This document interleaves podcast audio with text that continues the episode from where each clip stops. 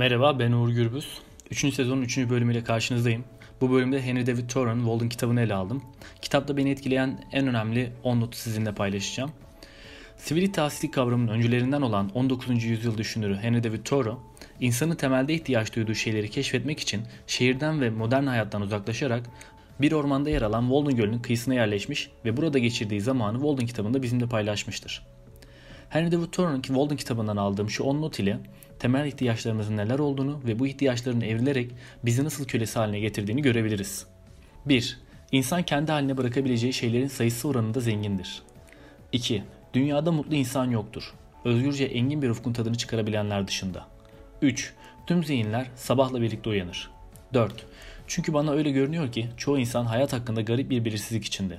Şeytana mı yoksa Tanrı'ya mı ait olduğuna emin değil. Biraz aceleyle insanın buradaki en mühim amacının ebediyen Tanrı'yı met edip sevmek olduğuna karar vermişler. 5. Neden bu kadar acele yaşayıp hayatı zindan ediyoruz? Daha çıkmadan kendimizi aç bırakmayı kafaya koymuşuz adeta. Zamanında atılan bir dikişin 9 dikişten kurtaracağını söylerler. Bu yüzden insanlar yarın 9 dikiş atmamak için bugün binlerce dikiş atıyor.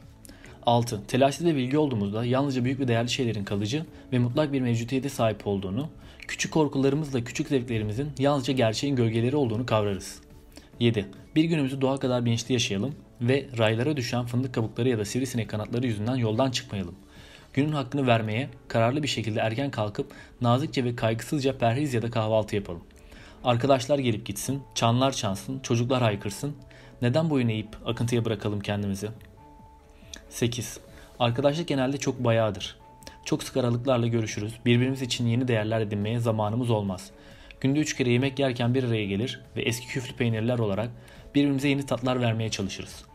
Bu sık buluşmayı katlanabilir bir hale getirebilmek ve birbirimize savaş açmamak için görgü kuralları ve kibarlık denilen bir dizi kuralı kabul etmek zorundayız. 9. Nasıl bir mesafe bir insanı arkadaşlarından ayırıp onu yalnız bırakabilir? Hiçbir adımın iki zihni birbirine yaklaştıramayacağını öğrendim. 10. Yerimize yerleşelim ve fikir, ön yargı, gelenek, yanılgı ve görünüş balçığını ayağımızı iyice saplayıp Paris'ten Londra'ya, New York'tan Boston'a ve Kongur'da kiliseden devlete, şiirden felsefeye, dine kadar tüm gezegeni kaplayan o alüvyonu delip geçmeye uğraşalım. Ve gerçeklik adını verdiğimiz o sert zemine ve kayaya basıp yanılgıya düşmeden işte bu diyelim. Sonuç olarak Henry David Thoreau, insanların temelde ihtiyaç duydukları şeylerin asıl anlamını yitirdiğini ve bu şeylere toplum sistem tarafından yeni anlamlar yüklendiğini dile getiriyor. Dolayısıyla bu durumun insanların ihtiyaç duydukları şeylerin kontrolünü kaybetmesine ve daha fazla şeyin kölesini olmaya başlayarak mutsuzlaşmasına sebep olduğunun altını çiziyor. Örneğin 1.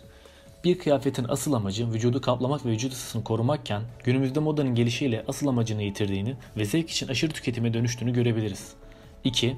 Bir evin asıl amacı insanları kötü hava koşullarından korumakken günümüzde asıl amacını yitirdiğini ve sırf daha iyi bir mahallede oturmak için veya iş arkadaşı daha iyi bir evde oturduğu için aşırı tüketime dönüştüğünü görebiliriz.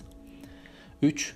Yemek yemenin asıl amacı karnımızı doyurmak ve vücudumuza enerji almakken günümüzde asıl amacını yitirdiğini ve sırf farklı lezzetler almak için veya gösteriş için aşırı tüketime dönüştüğünü görebiliriz. Evet bu bölümde sonuna geldik. Bir sonraki bölümde Daniel Klein ve Thomas Catchert'ın Platon bir gün kolunda bir ornitorenkle bara girer kitabını ele alacağım. Bu kitaptan beni etkileyen en önemli 10 notu yine sizinle paylaşıyor olacağım. Kendinize iyi bakın. Görüşmek üzere. Ayrıca modernbilgelik.com sitesini ziyaret etmeyi unutmayın. Bye bye. Ciao.